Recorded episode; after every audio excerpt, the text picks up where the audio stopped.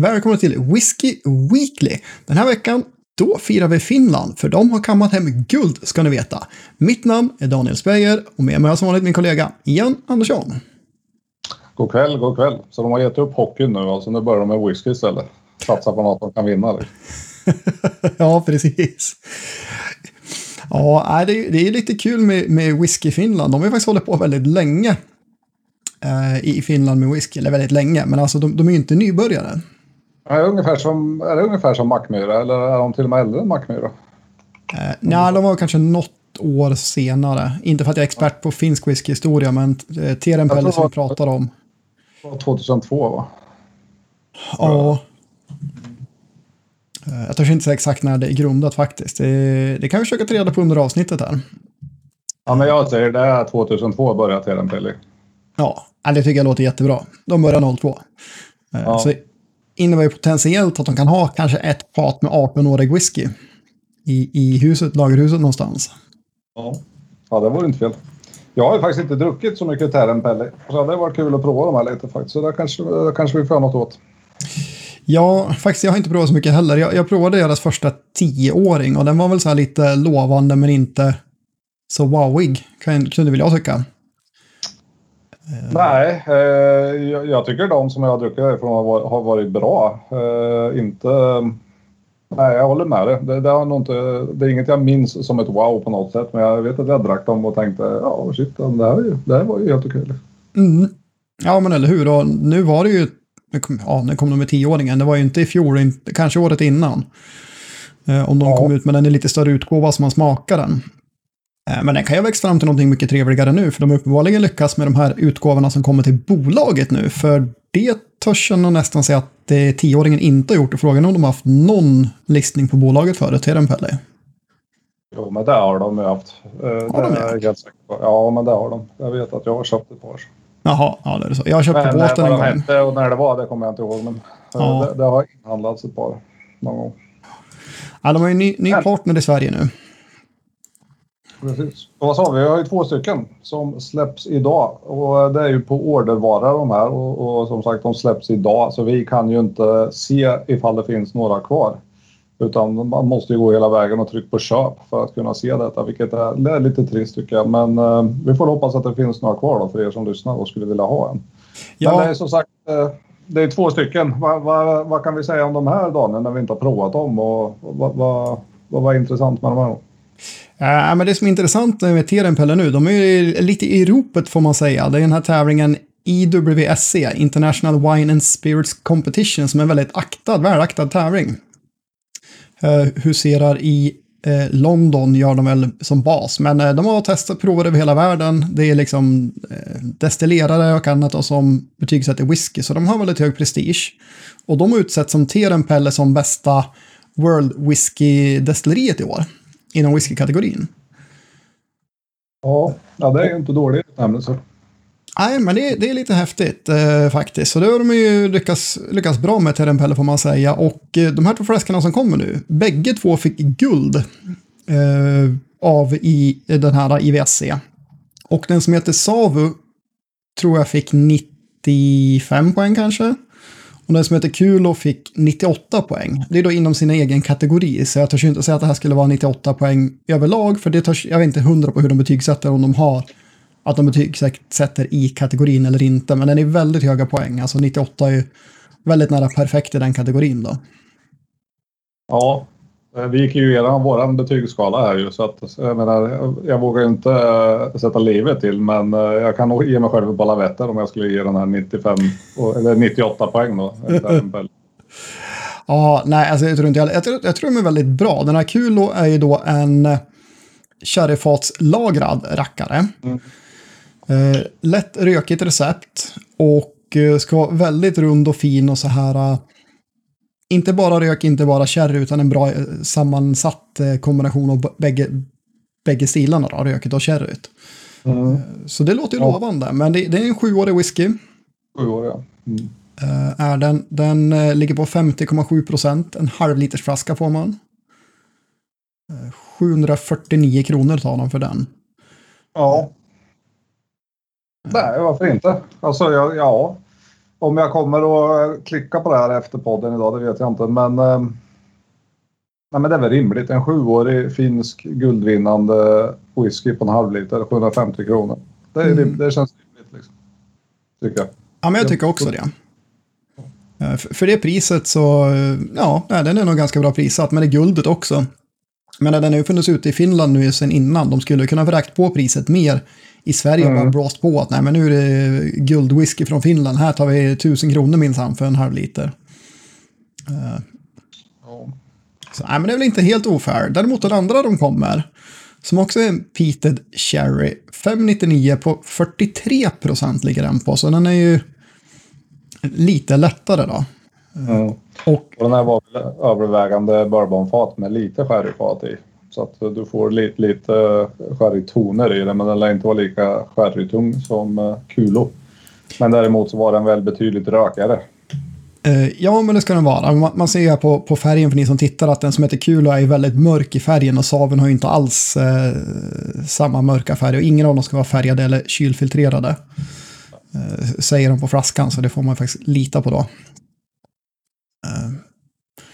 Eh, Men nej, jag har inte provat någon av dem. Bägge två fick guld. Väldigt bra betyg. Eh, Så att man gör nog inte bort sig. Men man kanske inte ska tro att man blir blåst av stolen heller när man provar dem. Nej, men det är ju när man ser de här, börjar känna mer och mer att man saknar mässorna och liksom eh, det, det är ju för dyrt att köpa en eh, 50 centiliter sample varje gång man är sugen på att prova något liksom. man får inte prova lika mycket nu helt enkelt. Det är en nackdel. Nej, men så är det. Vi ska se, vi kanske kan få prova de här senare ändå. Och det är lite kul att göra, göra en liten speciala, specialprovning bara på Terempelle faktiskt. Ja, men det skulle det vara absolut. Eller kanske finsk, eh, finsk whisky överhuvudtaget så kan vi prova på Kyra också. Mm, deras grain whisky. Eh, Men eh, nog om Finland tycker jag. Vi beger oss väl till Skottland istället. Ja, men du ger ju mig massa alternativ tänkte jag säga. Återstående alternativ är ju från Skottland. Mm. Så vad ska vi prata om här då? Vi har ju en som vi har eh, varit tvungna att verkligen leta lite extra efter vad fasen det är för något. Ja, och det som är lite kul är att ingen av de här tre som är kvar, de tre skotska, är ju självklart vad det är för någonting. Nej. Det är Ja, mystery sig, box. eh, den- ena vet vi vad det är för whisky, för det, det står ju att det är Craig Gallagher. Den, som jag menar här nu. Men sen eh, vad det är för företag som ligger bakom och vart den kommer ifrån och hur den ser ut och så vidare. Det, det var desto mer kryptiskt. Ja, Men det, det är en eh, Craig Alecky Single Cask. Oj, ja, du håller på att simma ur bild nu. Där. Tyckte också jag såg någonting. Den vart ju inte så jävla bra heller. Nej. Eh, Medan, Ian justerar kameran, jag kan fortsätta på det vi var inne på. Craig Gallagher Single Cask 2006. Nej, kameran ger upp. Eh, på 50,5 procent. Det här är också en halvliters historia är det. För 885 kronor. Eh, så att vi vet faktiskt inte vad det här är för Craig Gallagher Whisky. Och om den är listad rätt på bolaget. Nej, För ingen det som- aning. Nej, för det som är spännande är att det, det står ju producenter Craig Gallagher Distillery Company. Men eh, det kan vi nästan lita på att det verkligen inte är. Jag har svårt att tro att det är en, en butelj från destilleriet utan det är nog den här eh, Independent Bottling vi hittar. Var det något tysk eh, företag va? Som eh, Whiskey Warehouse number 8 eller vad heter den? Ja, fast det roliga var det att nu när jag såg att det var 50 centiliter, då stämmer ju inte det längre heller, för den är ju en 70 centiliters flaska. Jag kan visa, vi försökte detektiva här på, på nätet innan, att vi hittade just en 50,5-procentig Craig Ellacke Single Cask från 2006. Men den är på 70 centiliter, så nu är jag lite lur, är det här ett privatfat som har blivit listat officiellt. Jag tror vi kan konstatera en sak Daniel med den här whiskyn. Det är att vare sig du eller jag har en endaste susning om vad det här är för något mer än att det är Craig Gallagher i den. Mm, Det var kan vara 14 år. Kan vara typ 14 år. Men det vet Ja. vi ju inte. Den kan ju ha varit buteljerad tidigare.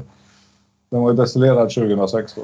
Precis det är. Nej, problemet är att det är en leverantör som är jätteliten och som vi inte har några kontaktuppgifter till. Så faktiskt inte, inte kunnat räcka ut en hand. Eh, Däremot så upptäckte jag idag att jag känner en person som är involverad i bolaget. Så jag hade kunnat fått reda på det om jag hade detektivarbetat lite i förra veckan redan. Eh, Men vi kanske kan återkomma i frågan. Ja. Men troligen så får du ju då en minst eh, 12 till 14 år single cask Craig Gallagher för 885 kronor. Och sen om det nu är en, i och för sig en halv liter så är det lite synd. Men annars är det väl okej pris. Hade det varit Mm. en 70 så hade det varit bra pris. Ja, eller hur? 70 centiliter hade varit pangpris. Eh, nu ligger den väl liksom, ja men fair enough, Craigellachie singelkask, det är inte billigt. Eh, den kommer också idag, all whisky idag kommer idag när vi spelar in måndag den 18. Så att är det något ni är intresserade av så, ja man ser ju först när man trycker på beställ och verkligen bekräfta beställningen hos bolaget om det finns kvar eller inte. Eh, så vi kan bara sia ifall det finns eller inte. Men vi går vidare. Vi sticker till Williamson. Ja, just det. Den rackaren. Uh, Williamson. Ännu Det en var- singelkask. var Barry Bros som låg bakom den där kommer fram till. Va? Barry Bros and Rudd. En independent buteljerad flaska. En åttaårig cask strength. Eller cask. Single cask. Eller cask strength. Eller båda och. Eh, Ja, men det, det är nog både och kan vi tänka oss. Troligen. Som sagt 60,4 procent. Eh, Jag vet inte om de har listat hur många flaskor det blev av den. Eh, Men eh, det är ett kask-referens på etiketten, så det är en singelkask. Nej, det står inte hur många flaskor det är. Nej, det är faktiskt inte det. Men den är 8 år, 929 kronor och Williamson, för er som kan er Ayla-historia.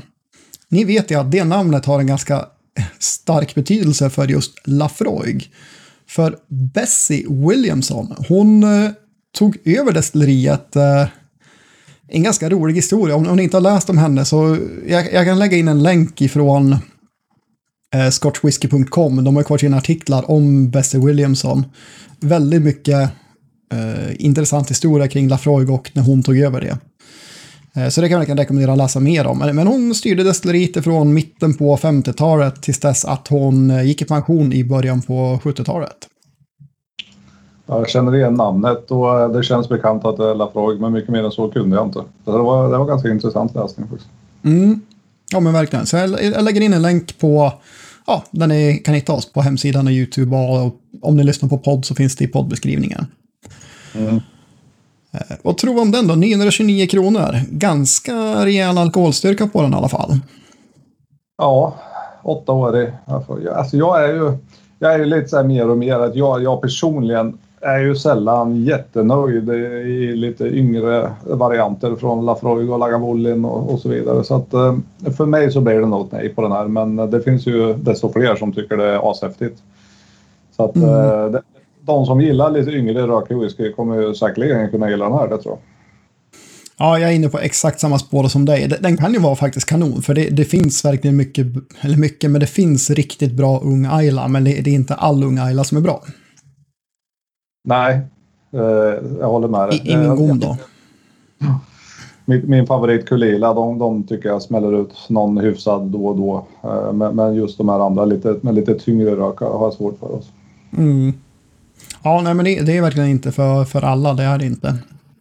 Eh, Men jag kan utlova dem ibland. Just nu är jag väl kanske inte inne i en jätterökig whiskyperiod, så nej, jag, jag kommer avstå den också. Men säkert en väldigt bra whisky. Barry Brothers brukar inte heller ge ut dåliga utgåvor. Ja, men med den kommentaren så kan du ju berätta vad du har valt att ha i ditt glas idag då, Daniel. ja, det kan jag göra. Eh, Men det här är ingen så här riktig rökbomb, även om det är en Ayla, så är det en Kilhoman. Eh, Vinters 2009, en åttaåring. Eh, som har legat på eh, Oloroso-fat. Nu har jag inte kollat på vad det är för mix, om det bara är Oloroso, men jag tror det inte är det. Det är någon del bourbon i den här också. Men den har fått en liten härlig rondör den av sin eh, sherrylagring och eh, tämjer röken lite grann och lindar in den fint i fruktigheten som framförallt kommer fram när man tuggar lite på den. Så ja, den här tycker jag ändå är bra. Vad, vad dricker du? Jag har en så, lite mörkare variant än din tror jag. Och det är Mm. inte sherryfat utan det är ett rödvinsfat. Och jag har valt, eh, för jag, jag tycker det är ganska kul när det kommer så här lite billigare whisky som eh, är faktiskt eh, fullt drickbar. Så här är en 299 kronors whisky i form av en Tamnavulin.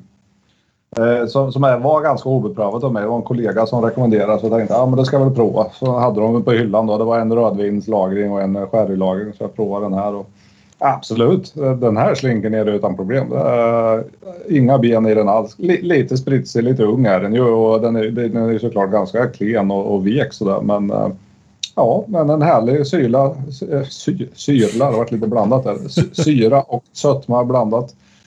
Äh, väldigt trevliga smaker även om de är äh, diskreta. Liksom. Så att mm. den här, absolut. Den sjunker ner bra. 299 kronor. Men det är Tamnabolens Nasa då? De allra billigaste? Ja, ja, ja precis. Mm. Så att det finns absolut eh, en stor mängd yngre whisky i den. Det, det, känner man, men det gör inget för de har gjort det så pass att den inte blir spritig i sig utan alkoholstark eh, i smaken utan den, den funkar. Den slinker ner fint. Mm. Ja, nej, men det är jättetrevligt att man kan hitta en sån där vardagswhisky som inte kostar någonting och som det inte gör något om man... Eh, ja, man kan bara lämna den framme om det är någon som vill dricka whisky man har på besök. Det spelar ingen roll liksom om de är whiskyfantaster eller inte. Det är bara, jaha, vill du ha en liten rackare? Ja, Perfekt ha en sån. Jag, jag har några vänner fortfarande där ute. De, de får inget dyrare än sån där, kan jag säga. Det, det är pärlor till svin de kommer. Och dricka fulgrogg istället. ja. Ja, nej, men jag tycker att det är, det är fint att ha så här billigare vardagswhisky. Det är, det är inte alltid man liksom har tid, ork eller lust att liksom hälla upp en whisky för tusen kronor eller mer. Som jag personligen då ofta vill sitta ner och njuta lite mer av. Jag kanske bara vill ha en enklare whisky och bara koppla av. Utan att behöva tänka på det överhuvudtaget.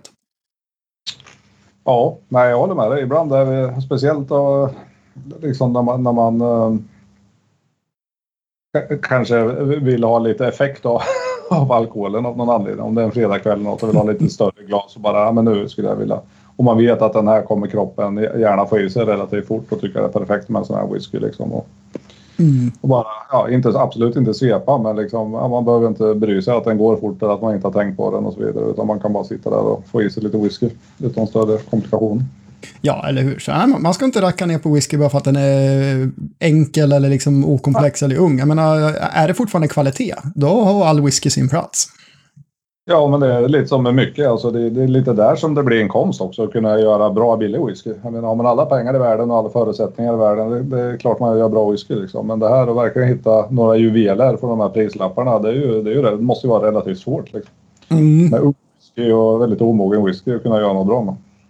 Ja, men verkligen. Och det, det, går ju verkligen inte från de stora namnen som är liksom världskända. Även om deras, alltså kollar man på de här jättarna som Glenlivet, och andra jättar som har en bra core range, de ska man heller inte förakta, men de är ju inte 299 heller. Nej, inte, inte de flesta i alla fall. I och för sig så just Glenlivet och sådär, det är väl inte mycket mer än så. Men uh, det, det, finns ju några stycken, men de största då, då börjar vi ju på 400 uppåt. Liksom. Mm. Det är en bra fråga. Innan vi tar den sista, jag vill bara kolla vad kostar en Glenlivet 12 idag? 399. Ja, det var 399. Ja, mm. så då var det rätt bra gissat att de börjar runt 400. Då. Ja, väldigt bra gissat. Eh, men som jag sa, vi har en whisky kvar. Jaha, jag trodde vi hade gått igenom den. Vad har jag missat något? Nej, vi har en till hemlig whisky. Eller den är inte superhemlig om det är det som brukar vara i den här. Port Escape. Jag trodde inte du skulle missa den igen. Nej, den var så självklar på något sätt för mig. Så den bara, den bara fanns där utan att jag tänkte på att vi inte hade pratat om. Du, har, du har redan köpt den. Så... Ja, det har jag faktiskt inte heller gjort. Jag tycker, mm. även om jag är stor Kulila-fan, så tycker jag faktiskt inte att Port Escagarna riktigt lever upp till den kvaliteten som Desert själv producerar. Måste jag säga. Även om det, det är helt okej okay whisky, men uh, jag, det är inte min favorit bland Kulilas liksom independent buteljerare. Sådär. Det vad man nu ska kalla dem här riktigt. Jag köpte ju faktiskt deras Port Escague jag kommer inte ihåg vilken release det var. Oj, det var jobbigt. Har de en spring release? Det har de väl faktiskt av 12-åringen? Eller är det en 10 eller någonting? Ja, ja, ja, jag ska inte våga uttala mig faktiskt. Nej, uh, inte jag heller. Uh, jo, men det var en 12-årig. Uh, eh, spring release var det. Och den tyckte jag var väldigt bra faktiskt. Ja, ja men det, jag vet inte om jag har provat en 12-åring. En åldersangiven Portoscape faktiskt. Så det är kanske är där som är skillnaden. Och jag ser att den här är ett par hundra lappar dyrare. Men alltså, den kanske mm. är bättre. Ja, deras vanligaste, eller vanligaste vet jag inte om det är längre, men den här 100 proof har ju funnits ett tag och mm. den har ju många provat. Den är ju dock in, inte åldersangiven. Nej, och den är ju, ja, det, det går att dricka den absolut. Men, ja, ja, ja men det, är så här, det, det, är en okej, bra rökig, eller okej rökig whisky. Men eh, den spring-releasen som jag köpte, den var väldigt trevlig tyckte jag. Den hade riktigt bra eh, kvaliteter. Eh, den här releasen då är 9 Oakheads, 5 Oloroso Cherry Butts och 3 Solera Cherry Butts. Så det är rätt stor andel eh, sherrylagrad whisky i den ändå. Eh, och eh, ja, vi får se. Det, det kan bli riktigt lyckat ibland med, med Colila tycker jag. Eh, om det inte är för mycket sherry utan de har den här ändå bra portionen med eh, American Oak. Så... Ja, texten utlovar ju en väldigt trevlig whisky tycker jag när man läser om Man läser vad det ska vara för smaknoter och så vidare. Ja, men vi får se. Jag tror faktiskt att jag skulle ta en Terrenpelli före den här, den här veckan. Mm. Jo, ja. eh, den är man mer nyfiken på lite mer udda fågel också. Om man gillar ju nytt så... Eh, det, det kan vi inte säga emot. Nej, roligare än så är det ju liksom inte de här bittra coronatiderna. Så då får vi prova lite ny whisky ibland. De ja, tur är väl det. Ja. Eh, jag tänkte vi kan avsluta med att eh, bara dra lite grann om eh, att Teeling Brabazon, det, de ska släppa sin sista serie, sista flaskan i serien nu. Det ska bara bli fyra flaskor, det var planen. Och den här släpper man som har varit lagrat i något som heter Carsavelos. Det är alltså ett portugisiskt ja, portvin, men det är vitt, vitt portvin om jag förstår det hela rätt. Eh, väldigt annorlunda. Eh, och eh, den ska vara mjuka, citriga smaker och eh, lite kryddig i den. 10 000 flaskor globalt, 49,5 procent. Det bör komma till bolaget, men ingenting om när än så länge. några av dem har ju kommit, om inte alla i alla fall. De har vi ju suttit och pratat om här vet jag. Ja, Brabazon 3 kom ju här för inte allt för länge sedan. Det är därför jag tänker att 4 börjar också komma. Just. Men vi får se ifall det ger sig med den. Annars kan du börja söka den på nätet för den kommer att komma alldeles, alldeles snart på de första marknaderna. Ja. Sen vet jag inte. Ska vi ta två minuter och snacka om att vattna whisky? För jag tyckte Hasse Nilsson skrev eh, en ganska intressant sak om det där. Eh, jag länkar den artikeln också så ni kan gå in och läsa hela alltet. Men en egentligen hans slutsats är att om man inte vattnar sin whisky så provar man inte hela whiskyn.